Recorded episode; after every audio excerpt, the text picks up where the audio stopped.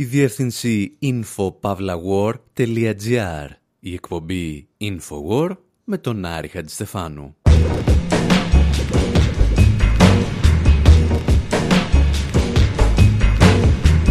όπου σήμερα επιστρέφουμε με φρέσκες ιδέες για μία ακόμη ραδιοφωνική σεζόν έχοντας μόλις παρακολουθήσει την συναυλία της χρονιάς. Ο Τζελομπιάφρα και η Guantanamo School of Medicine έπαιξαν στον Γκαγκάρι. Μια συναυλία που διοργάνωσε ο Νίκος Τριανταφυλλίδης, που δεν είναι πια μαζί μας.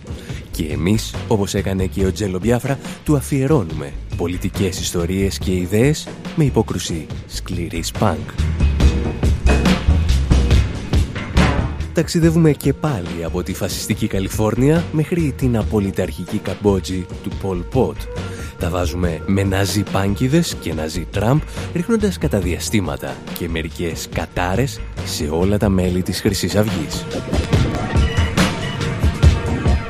Δυσφορούμε με διαφημιστές που πιστεύουν ότι κάθε τραγούδι προσφέρεται προς πώληση και εκφράζουμε την αμέριστη συμπαράστασή μας στους καλλιτέχνες που αποφεύγουν τις αρπαχτές.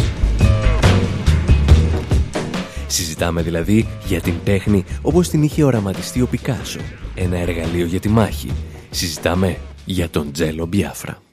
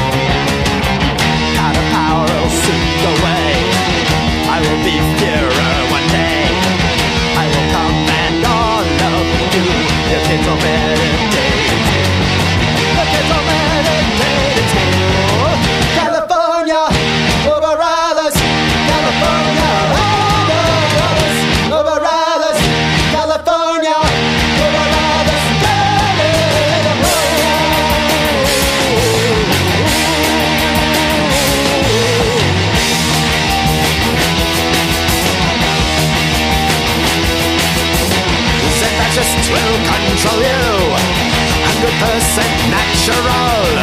You will job for the master race and always wear the happy face. It knows your eyes can happen here. A big blue and white horse is here. The hippies won't come back, you say. Mellow out or you will pay.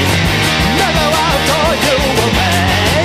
California, override.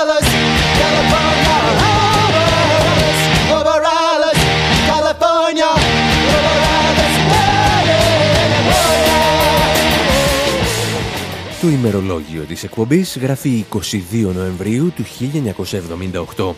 Στην Αμερική ετοιμάζονται να τιμήσουν τη 15η επέτειο από τη δολοφονία του Τζον Φιτζέραλ Κένεντι, του ανθρώπου που όπως και ο Φρανκ Σινάτρα λατρεύτηκε από τις γυναίκες και τη μαφία των Ηνωμένων Πολιτειών. Και το τελευταίο πράγμα που θέλει να ακούσει ο σοβαρός αμερικανικός τύπος είναι ότι εκείνη την ημέρα θα έδινε συναυλία στο Σαν Φρανσίσκο ένα συγκρότημα που άκουγε στο όνομα Dead Kennedys.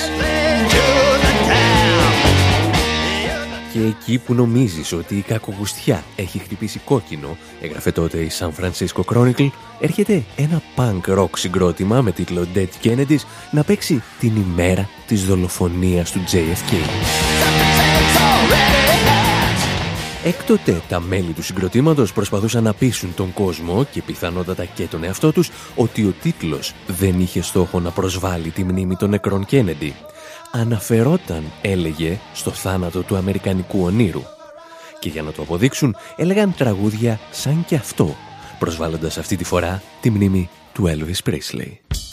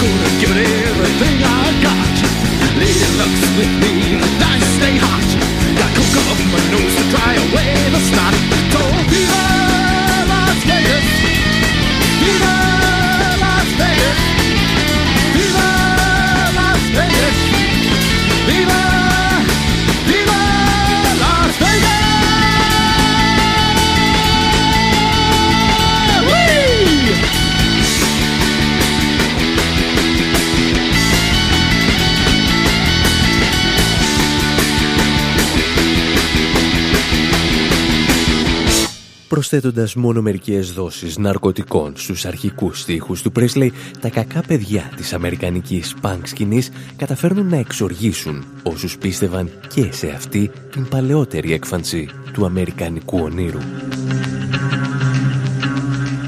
Οι Dead Kennedys ήταν τελικά εκείνοι οι περίεργοι τύποι που κανένας δεν ήθελε να συναναστρέφεται και δημιουργήθηκαν με έναν εξίσου περίεργο τρόπο. Let's move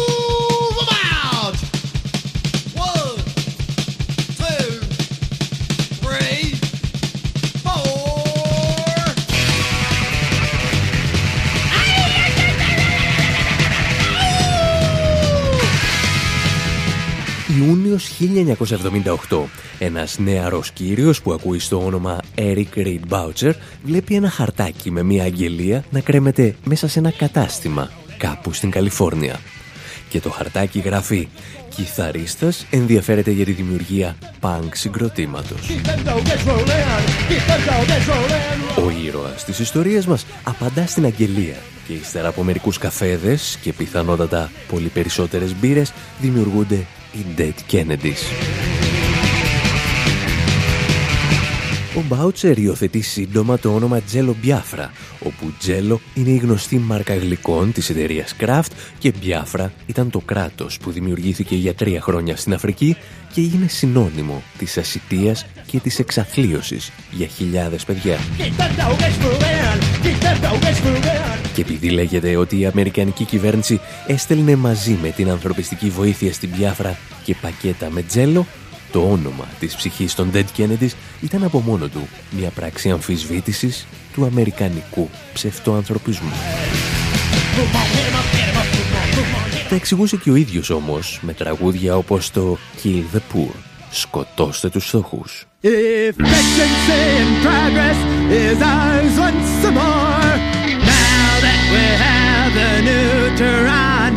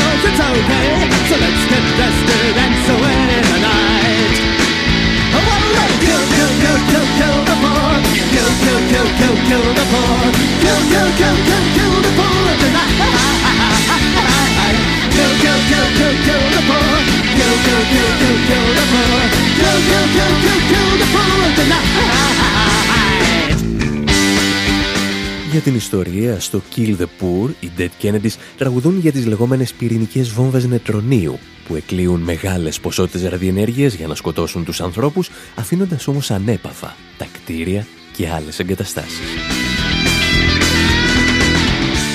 Μια βόμβα νετρονίου, εξηγούσε ο Τζέλο Μπιάφρα, θα μπορούσε να εξαφανίσει τους κατοίκους των φτωχογειτονιών στα μεγάλα αστικά κέντρα.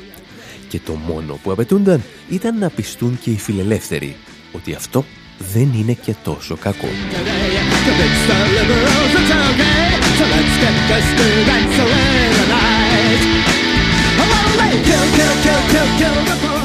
Με στίχους σαν κι αυτούς λοιπόν και ένα όνομα που εξόργιζε τη φιλελεύθερη Αμερική, η κατάσταση δυστυχώς επιδεινωνόταν ραγδαία για το συγκρότημα.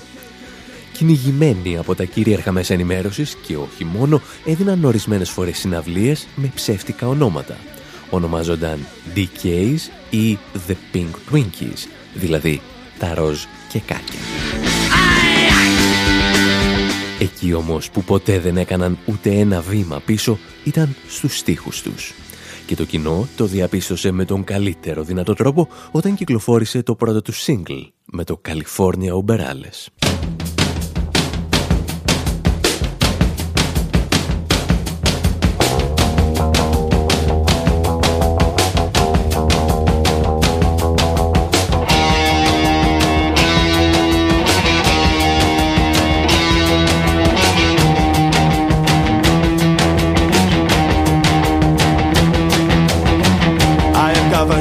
Το τραγούδι είχε αναφορές από τον Ιούλιο Κέσσαρα του Σέξπιρ μέχρι το 1984 του George Orwell. Όλα όμως περιστρέφονταν γύρω από τον τότε κυβερνήτη της Καλιφόρνιας, Τζέρι Μπράουν, ο οποίος συμπτωματικά είναι και σήμερα κυβερνήτης της Καλιφόρνιας. Ο Τζελομπιάφρα πίστευε ότι οι νέες μορφές φασισμού θα βρουν γόνιμο έδαφος ανάμεσα σε ανθρώπους που δηλώνουν ότι δεν έχουν και δεν θέλουν να έχουν σχέση με την πολιτική.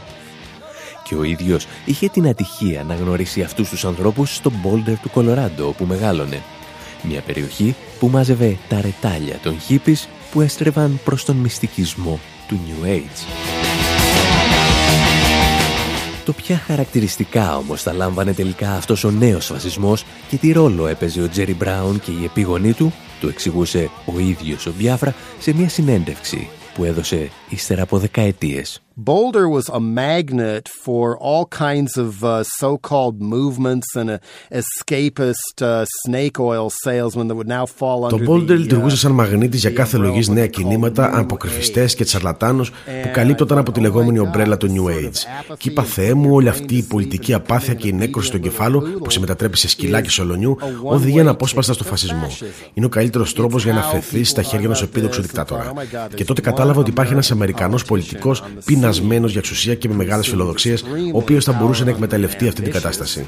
Και αυτό ήταν ο περιβόητος κυβερνήτης της Καλιφόρνιας, Τζέρι Μπράουν.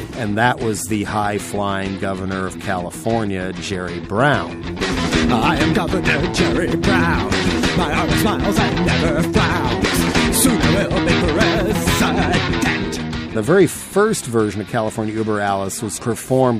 Την πρώτη φορά που παίξαμε το τραγούδι δεν είχαμε ούτε ένα θεατή. Στη συνέχεια άλλαξα τους στίχους και τη μουσική και έτσι γεννήθηκε το California Uberales. California Uberales was born. California Uberales, California Uberales,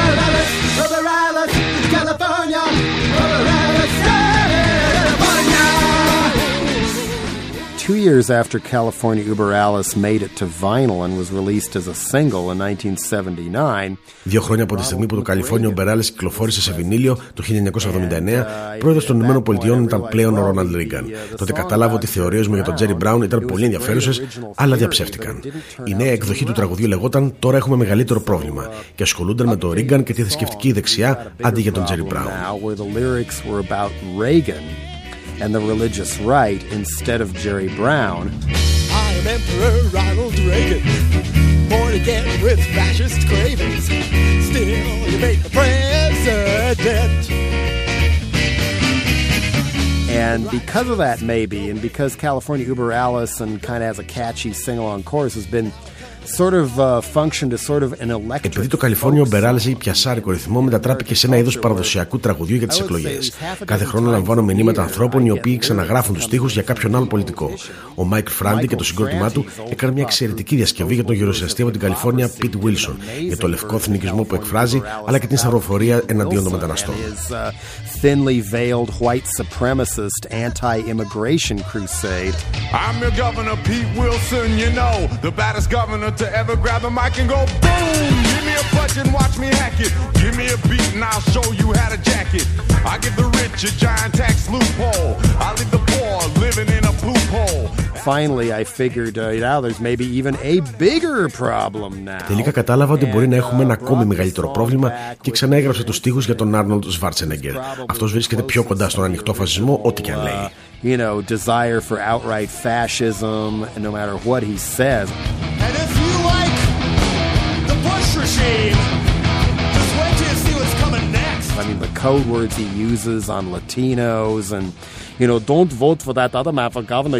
Δείτε τον τρόπο που μιλάει για τους Λατινοαμερικάνους. Ή όταν λέει μην ψηφίσετε τον άλλον τύπο για χερουσιαστή, γιατί είναι χοντρός και φαλακρό. Και όσοι δεν συμφωνούν μαζί μου είναι γυναικούλες. Κανένας άλλος δεν τα λέει αυτά.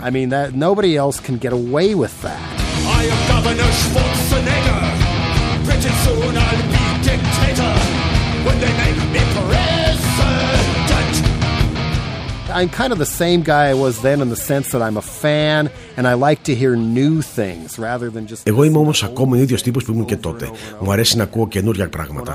Όταν ακούω ένα punk συγκρότημα που είναι πρωτότυπο και έχει ενέργεια και κάτι καινούριο να πει και κυρίως αν έχει μια παραπάνω δόση διανοητικής διαταραχή, θα είμαι And εκεί. especially if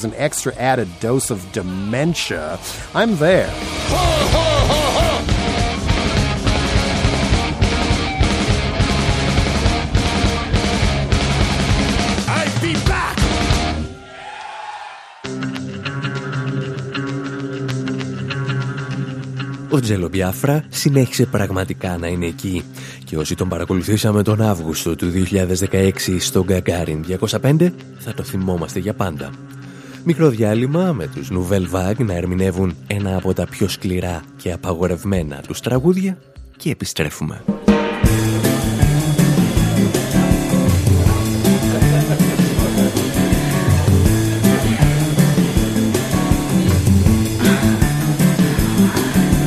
A party. I danced all night. I drank 16 beers and started up a fight. But now I'm jaded. You're out of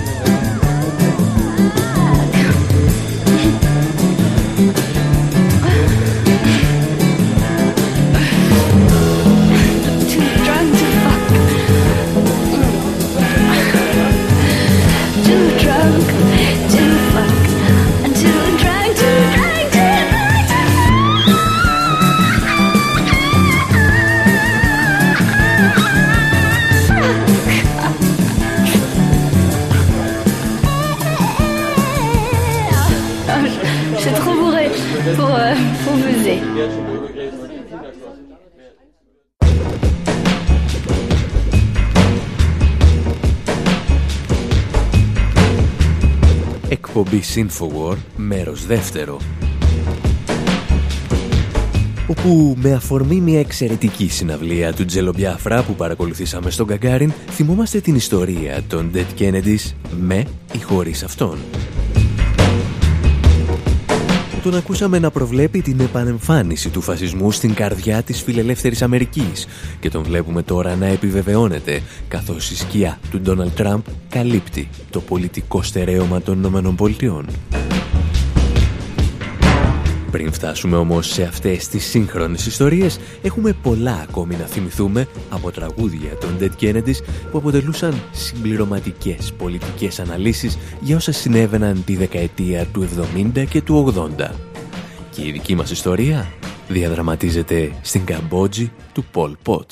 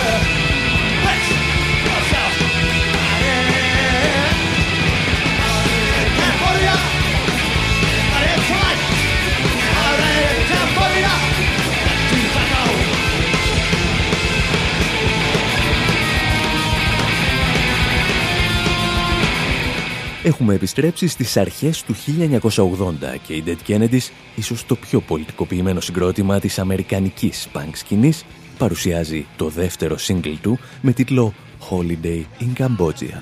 Διακοπές στην Καμπότζη. Οι Dead Kennedys τραγουδούν για το καθεστώς του Pol Pot. Περιγράφουν τις συνθήκες εργασίας σε στρατόπεδα συγκέντρωσης όπου η δουλεία αμείβεται με ένα πιάτο ρύζι αλλά παράλληλα ασκούν κριτική και στις Ηνωμένες Πολιτείες. Μια ιστορία τόσο παλιά και μπερδεμένη που για να την κατανοήσουμε πρέπει να επιστρέψουμε μερικές ακόμη δεκαετίες πιο πίσω.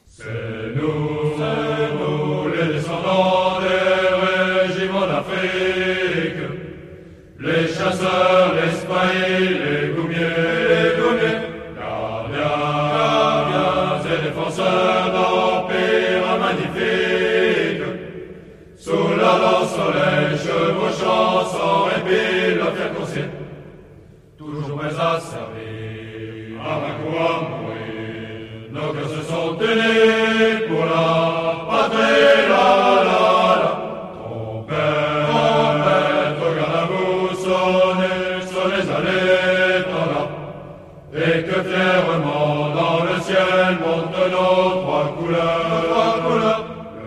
δεκαετία του 50 και η Γαλλία πραγματοποιεί έναν από τους τελευταίους απικιακούς της πολέμους στη Χερσόνησο της Ινδοκίνας.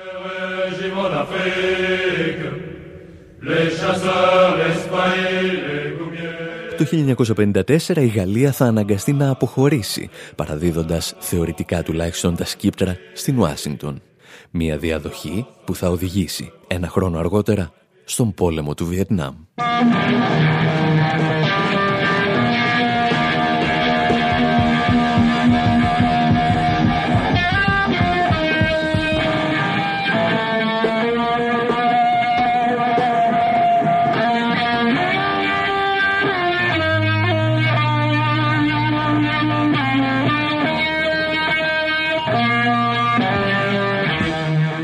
Οι Ηνωμένες Πολιτείες θα ρίξουν στο Βιετνάμ τρεις φορές περισσότερες βόμβες από όσες χρησιμοποιήθηκαν στο Δεύτερο Παγκόσμιο Πόλεμο. Παρ' όλα αυτά, θα υποστούν ταπεινωτική ήττα από ένα λαό που ξέρει να πολεμά για την ελευθερία του.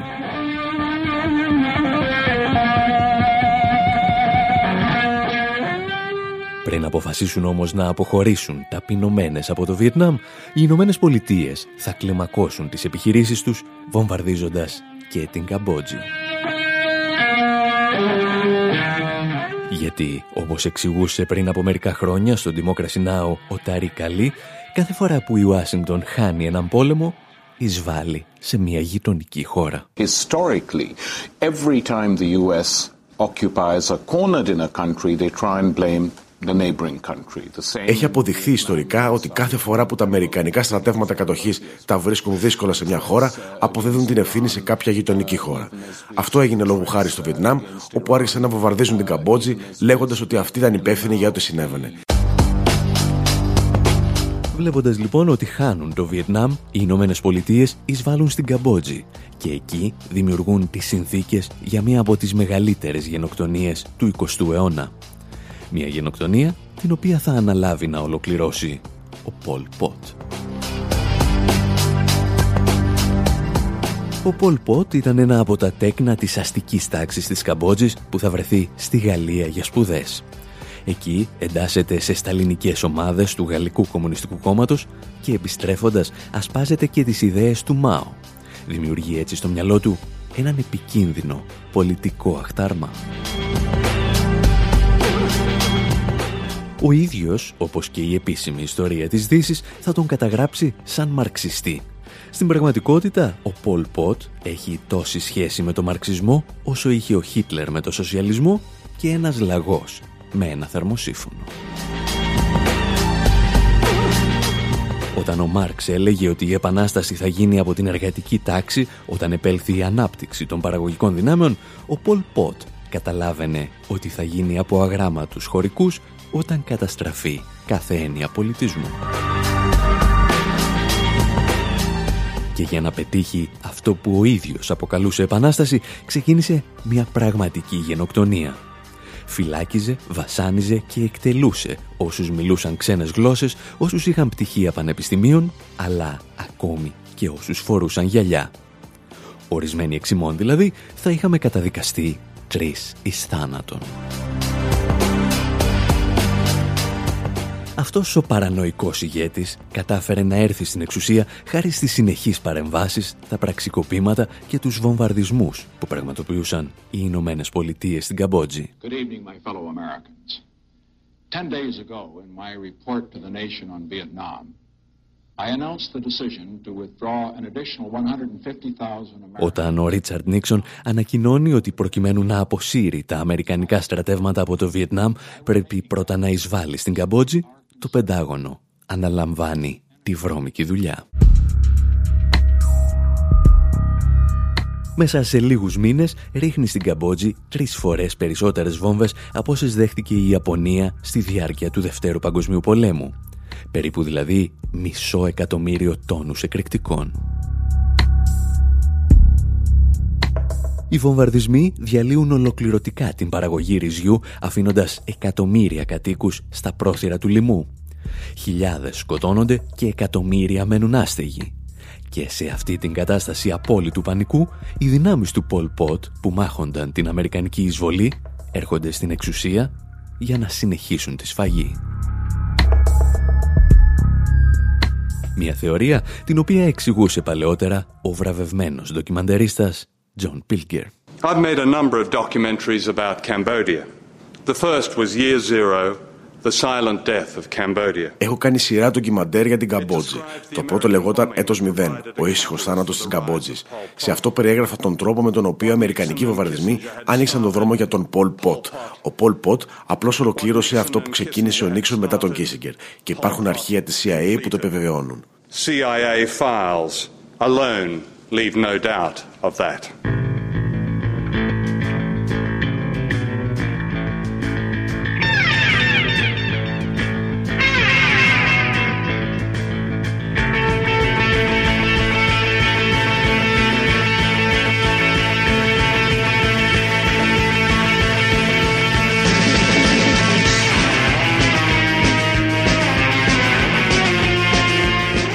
Dead Kennedys λοιπόν διηγούνταν ιστορίες από την Καμπότζη χωρίς να χαρίζονται σε κανέναν. Τουλάχιστον όσο είχαν μαζί τους τον Τζέλο Μπιάφρα. Διότι η ιστορία αλλάζει και κυρίως η ιστορία δεν συγχωρεί αυτούς που από απληστία εκπέσανε. Αρκετά χρόνια μετά την κυκλοφορία του Holidays in Cambodia, τα μέλη των Dead Kennedys πλην του Τζέλο Μπιάφρα αποφάσισαν να δώσουν τα δικαιώματα του τραγουδιού στην εταιρεία Levi's για ένα διαφημιστικό στην τηλεόραση. Για μια εξοργιστική ηρωνία της τύχης, η Levi's ήταν μια από τις εταιρείες που χρησιμοποιούσαν κατοίκους της Καμπότζης και γύρω χωρών σε συνθήκες μισθωτής σκλαβιάς για να παράγουν τα τζιν μας. Και ο Τζέλο Μπιάφρα είπε όχι σε αυτή την πρόταση, εξοργίζοντας όχι μόνο την Levi's, αλλά και τους υπόλοιπους Dead Kennedys. Πάντα όμως είναι καλύτερα να τα ακούμε από τον ίδιο. A main way they like to co-opt us is to take our favorite songs and spit them back at us in TV commercials. Ο βασικός τρόπος με τον οποίο προσπαθούν να μας ενσωματώσουν είναι να παίρνουν τα αγαπημένα μας τραγούδια και να μας τα φτύνουν πίσω μέσα σε διαφημιστικά για την τηλεόραση.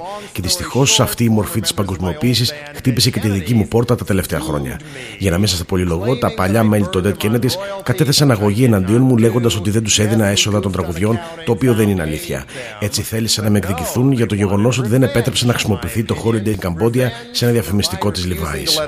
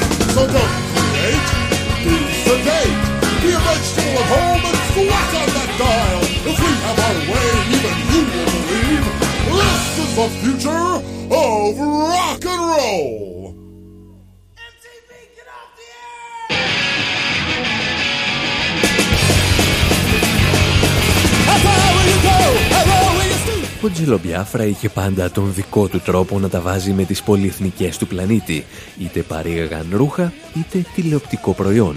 Όπως εδώ, που τραγουδά MTV κατέβα από τον αέρα. Όσοι τον παρακολουθούν τις τελευταίες δεκαετίες μπορούν ίσως να του καταλογίσουν μόνο ένα στιγμιαίο παραπάτημα, για το οποίο ο ίδιος πλήρωσε πολύ ακριβά. Πριν από μερικά χρόνια έστειλε μια μακροσκελέστατη επιστολή στο Αλτζαζίρα για ένα προβληματάκι που τον απασχολούσε. Είχε προγραμματίσει μερικούς μήνες νωρίτερα μια μεγάλη συναυλία στο Τελαβίβ μαζί με το νέο του συγκρότημα τους Guantanamo School of Medicine. Και όπως ήταν αναμενόμενο, προκάλεσε την αντίδραση ανθρωπιστικών οργανώσεων σε ολόκληρο τον πλανήτη.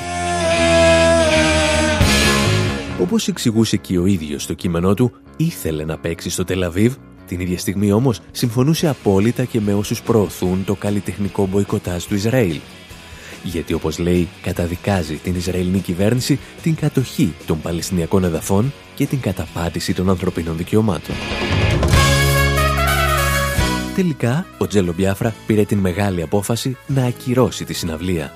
Και όπως γνωρίζουν όσοι έκαναν το ίδιο στο παρελθόν, κάτι τέτοιο χρειάζεται εξαιρετικά κότσια. Για ένα χρόνο, εξηγούσε ο ίδιος, δεν ήξερα ούτε καν πώς να πληρώσω τον νίκη. Ο Τζέλο Μπιάφρα πάντως δηλώνει ότι δεν μετάνιωσε ποτέ για την απόφασή του. Αντίθετα, ταξίδεψε μόνος του μέχρι το Ισραήλ για να δει, όπως είπε, ποιοι θα ήταν οι καλύτεροι τρόποι για να βοηθήσει τον Παλαιστινιακό λαό.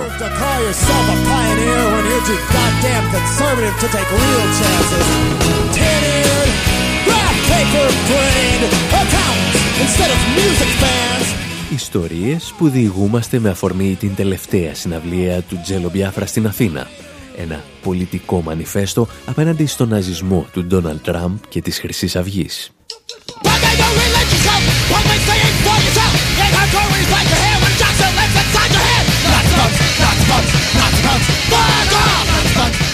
Στις τελευταίες τους συναυλίες, ο Τζέλο Μπιάφρα διασκευάζει το θρηλυκό Nazi Punks Fuck Off, λέγοντας Nazi Trumps Fuck Off, προς τιμήν φυσικά του υποψηφίου των Αμερικανικών Προεδρικών Εκλογών.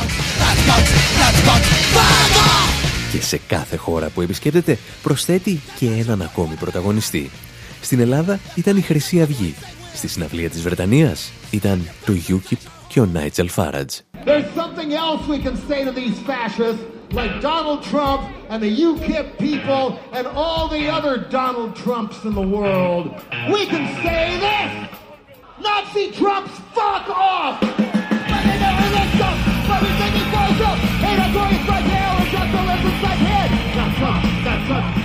Και όταν ο Τζέλο Μπιάφρα αφήνει ήσυχο το πολιτικό άκρο του φασισμού, τα βάζει και με το πολιτικό κέντρο της λιτότητας. Το σύνθημα σε κάθε του συναυλία είναι Fuck Austerity, το οποίο αν θέλετε μπορείτε να το αγοράζετε και σε t-shirt.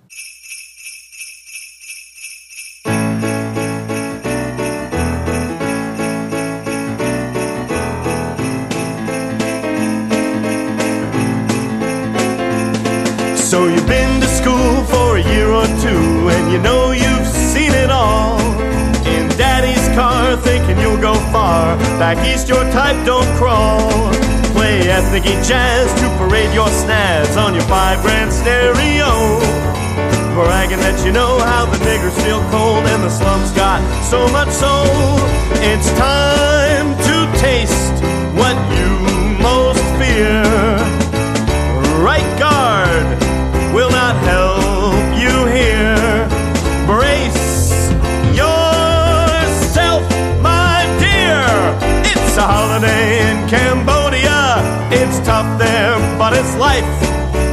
holiday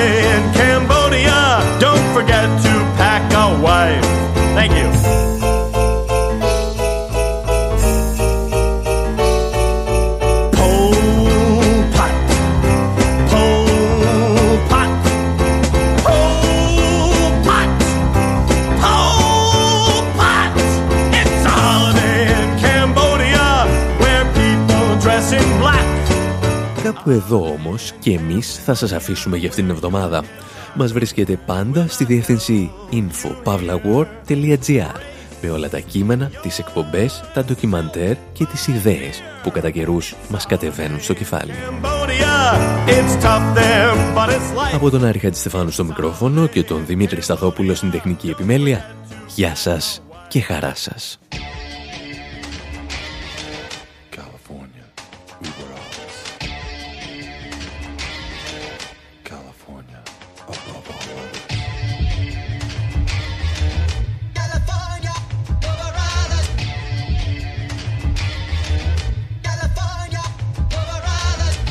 I'm governor, Pete Wilson, you know, the baddest governor to ever grab the mic and go boom! Budget and watch me hack it. Give me a beat and I'll show you how to jack it. I give the rich a giant tax loophole. I leave the poor living in a poop hole. At a time when AIDS is in a crisis, I cut health care and I raise prices. Sales tax, snack tax, excise tax, information attack with a newspaper tax. Hit the pocketbooks of working families, increase tuition at the university. Someday I'll command all of you. Even if kids are gonna pray to me in school, soon I'm gonna be the president. You might remember the last one this state sent. California, Uber Alice. California, Uber Alice. California, Uber Alice. California, Uber Alice.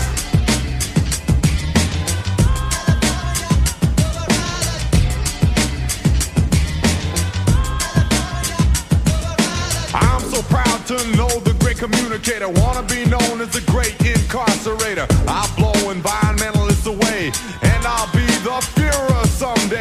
I keep cutting public education, even though we rank 45th in the nation. I got a plan for the minorities. I send them to the California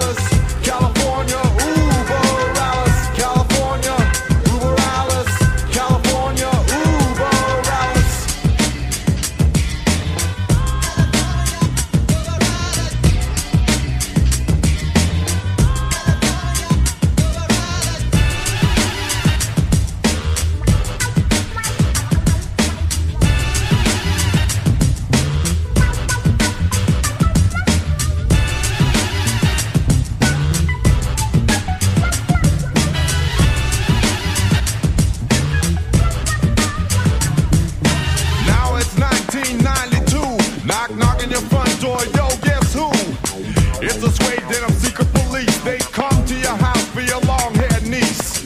Gonna send her off to a camp, cause she's been accused of growing hemp. Don't you worry, it's only a shower. And now for your clothes, here's a pretty flower. Gonna die on malathion gas. The serpent's egg has already been hatched. People starving and living in the streets because they try to mess with me, President Pete. California, Uber Alice, California.